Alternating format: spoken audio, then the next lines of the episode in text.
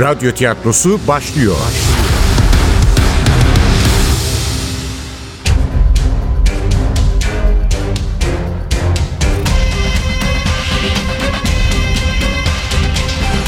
Sultanı Öldürme 47. Bölüm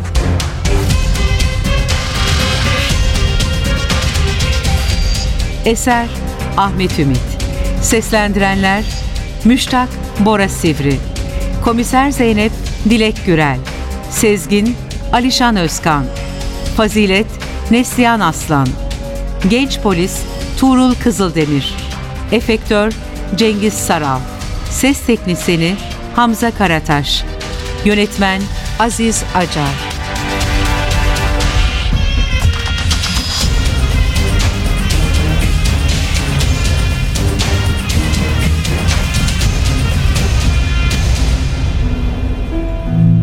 Antika asansör büyük bir gürültüyle önümüzde durdu. İkimizin de bakışları asansöre çevrildi.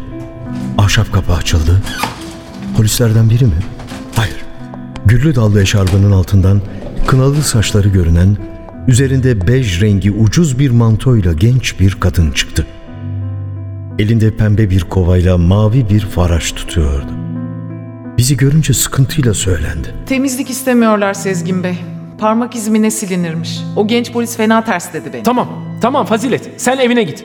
Polislerin işi bitince temizlersin. İyi. İyi ben gideyim o zaman. Bir de o polis abi hani şu yaşlı olanı sizinle ilgili sorular sordu. Ne sorusuymuş onlar? İşte rahmetli öldürüldüğü gece siz apartmana ne zaman gelmişsiniz? Halınızla aranız nasılmış? Hiç kavga etmiş misiniz gibilerden. E, söyleseydin ya neler olduğunu. Söyledim zaten, söyledim de o polis abi bir de karakola çağırdı beni. Yazılı olarak alacakmış ifademi. Tamam. Tamam gider orada da anlatırsın. Bir şey olmaz. Olduğu yerde öyle bir salındı, arsız, meydan okuyan bir hal vardı bu genç kadının tavırlarında. Sezgin'le bir ilişkisi olmasın? Ben de gelirim dedim zaten.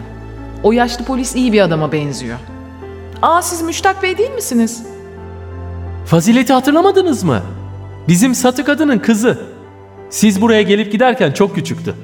5-6 yaşında olmalı. Hiç de değil. Nusret Hanım Amerika'ya giderken 8 yaşındaydı. Neyse işte. Aferin sana. Nasıl tanıdın Müştak Bey'i? Nasıl tanımam? Müştak Bey çıkmazdı ki bu evden. Sislerin içinden kızıl saçlı, cin bakışlı, tatlı gülüşlü bir kız çocuğu belirir gibi oldu. Galiba önde iki dişiniz eksikti o zamanlar. Vallahi helal olsun. işte hatırladınız öyleydi. Zaten dişsiz kız diye severdiniz beni. Oh, özür dilerim, kabalık etmişim. Yok Müştak Bey niye kabalık olsun? Siz hep iyi davrandınız bana. Müştak Bey bir tanedir. Bana da hep hediyeler getirirdi. Bir keresinde kırmızı bir araba almıştı. Hiç unutmam. Şey, sahi Müştak Bey. Siz niye evlenmediniz Nusret Hanım'la? Hadi, hadi Fazilet artık evine. Genç kadın bu sözlere bozulmuştu. Bir hoşça kalın bile demeden bir elinde kova, bir elinde faraş, bodrum kata inerken arkasından seslendi Sezgin. Ha, Fazilet. Akşam için yemek falan istemiyorum. Çok yorgunum. Yatıp uyuyacağım. Sakın beni kaldırma. Ne evet ne hayır. Tınmadı bile fazilet. Kendinden emin bir tavırla merdivenlerde kayboldu. Duyduğumuz sadece uzaklaşan ayak sesleriydi.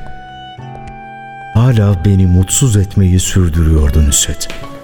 Az önce faziletin indiği asansöre bindik. Rahmetli satı kadının yadigarı. Fazilet diyorum. Beş yıl önce evlenip gitmişti kendi köylülerinden biriyle. Akrabası mıymış neymiş? Ama adam ahlaksız çıktı. Altı ay sonra çekip geldi. Satı kadın da vefat edince apartmanın demirbaşı oldu. Annemin vasiyeti var onu sokağa atma diye. Ev işlerime bakar. Temizlik, yemek filan. Deli doludur ama iyi kızdır. Çok da çalışkan. Sevimli bir insan. Bakışlarım bir anlığına Sezgin'e takıldı. Niye suçluymuş gibi duruyordu karşımda? Evet, kesinlikle bir ilişkisi vardı genç kadınla. Yoksa bu kadar açıklamayı niye yapsın? Aklım Şaziye'deydi. Nusret'le neden görüşüyordu ki? Daha da önemlisi bunu niye saklamıştı? Kızacağımı mı düşünmüştü? Onunla ben bile görüşmezken neden evine gidiyorsun diyeceğimi mi? Yoksa kendisini katil olarak suçlayacağımı mı zannediyordu? Öyle bir şey yapar mıyım hiç? Soru yanlıştı. Öyle bir şey yapar mıyım değil, yapmalı mıyım? Şaziye'nin dün akşamki gergin hali. Çeşmilali bahane ederek çıkardığı kavga. Çeşmilal. Yoksa o yüzden mi? Anneannemin o benzersiz mücevherinin bir başka kadının boynunu süslediğini görünce... Hayda, şimdi de Şaziye'yi mi suçlayacağım? Öyle ya, Sezgin temize çıktığına göre zanlı listesine derhal başkalarını eklemem lazım. Teyze kızım ya da başka biri. Kim olduğunun hiç önemi yok. Yeter ki bana zarar gelmesin. Müştak Bey, size bir şey soracağım. Tabii Sezgin, buyurun. Ne dersiniz? Onu nereye gömmeliyiz? Nasıl? Halamın vasiyeti olmasa sorun olmayacak. Eyüp'te aile mezarlığımız var oraya defnederdik. Ama halam cesedinin yakılmasını istiyordu. Yakılmasını mı? Peki menekşeler ne olacak? Hani renk renk, hani mezarın üzerine ekecektik. Bu yakılma meselesi de nereden çıkmıştı şimdi? Evet, yakılmasını istiyor. Rahmetli sanki öleceğini biliyormuş gibi iki hafta önce söylemişti bana. Ölürsem beni toprağa gömmeyin, cesedimi yakın diye. Küllerinin de büyük adada dil burnundan denize serpilmesini istiyordu. Dil burnu. Adada vaktimizin çoğu orada geçerdi. Bilhassa hafta arası. Şehirden gelenlerin adayı istila etmediği günlerdi. Kızılçam ağaçlarıyla süslü burnun en ucundaki koyu yeşile çalan kayanın üzerine oturur, rengi an be an değişen denizi seyrederdik birlikte. Hayatımın en güzel günleriydi diyebilirim. Demek o da benim gibi düşünüyor. En güzel anlarının benimle geçirdiği o dakikalar olduğunu. Bence yanlış. Eşe dosta ne deriz?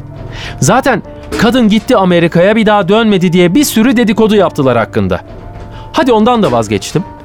Dinimizde ölüyü yakmak diye bir şey yok ki. Tamam, çok dindar biri sayılmaz da alam ama vebalini nasıl alırım? Bu kötülüğü nasıl yaparım ona? Ben de hayret ettim şimdi. Hiç bahsetmemişti bana. Demek ki Amerika'da karar vermiş bu meseleye. Bir hocayla konuşsanız belki bir çözüm önerir size. Nasıl konuşayım Müştak Bey? Halam dünyaca ünlü bir tarihçi. Anında basına sızar konuşmamız. Kadın Amerikalarda dinini imanını unutmuş diye. Şöyle sessiz sedasız halletsek diyorum. Kimse duymadan, kimse farkına varmadan. Bilmiyorum ki bu işi yapan var mı? Ben de bilmiyorum Sezgin. Sormak, soruşturmak lazım. Belki bir krematoryum falan bulursunuz.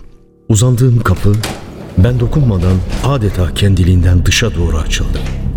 Açılan kapının aralığında üniformalı iki genç polis belirdi.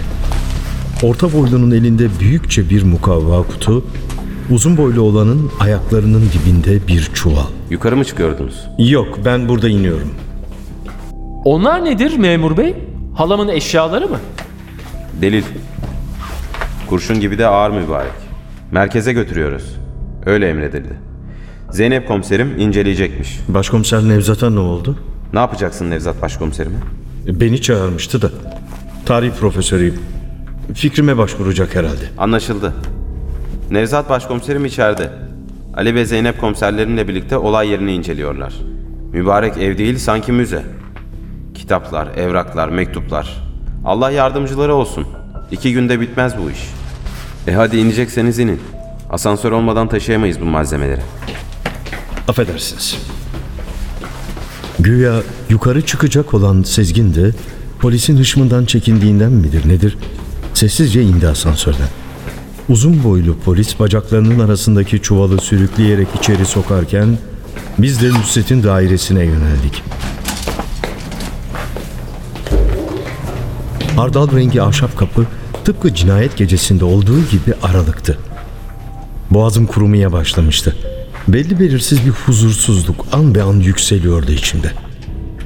Benim burada ne işim vardı? Yanımda Sezgin, asansörde şu polisler olmasa. Ne yani bırakıp kaçacak mıydım?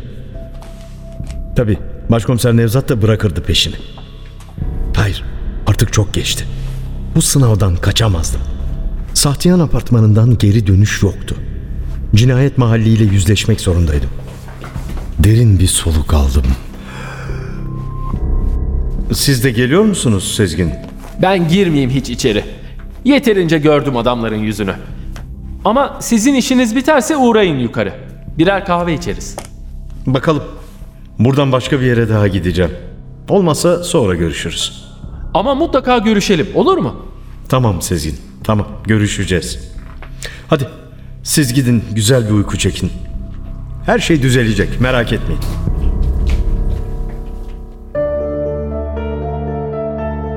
Cinayet gecesi yaptığım gibi hardal rengi ahşap kapıyı parmağımın ucuyla ittim. Her şey geçen geceki gibiydi. Sofanın kirlenmiş, neredeyse gri bir hal almış bir zamanlar beyaz olan duvarları, sağ yandaki portmantoda çağla yeşili bir kadın mantosu, yanındaki askıda kalınca koyu kahverengi bir atkı, Nusret'in giysileri. Üzerimde bir bakışın ağırlığını hissettim. Yoksa Nusret'in bakışları mı?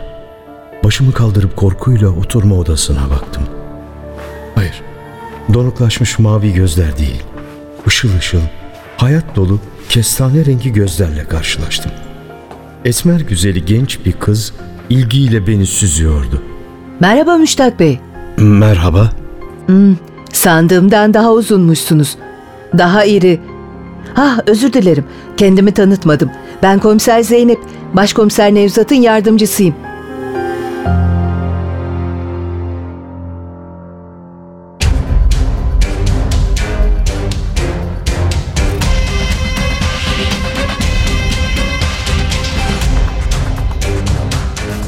Sultanı öldürmek.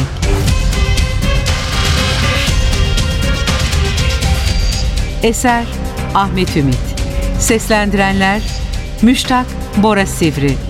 Komiser Zeynep Dilek Gürel. Sezgin Alişan Özkan.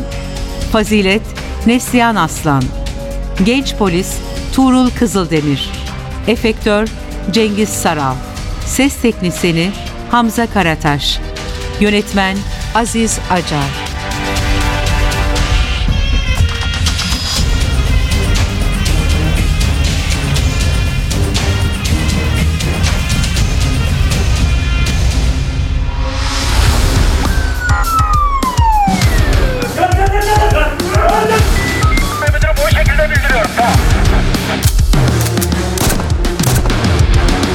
Radyo tiyatrosu sona erdi.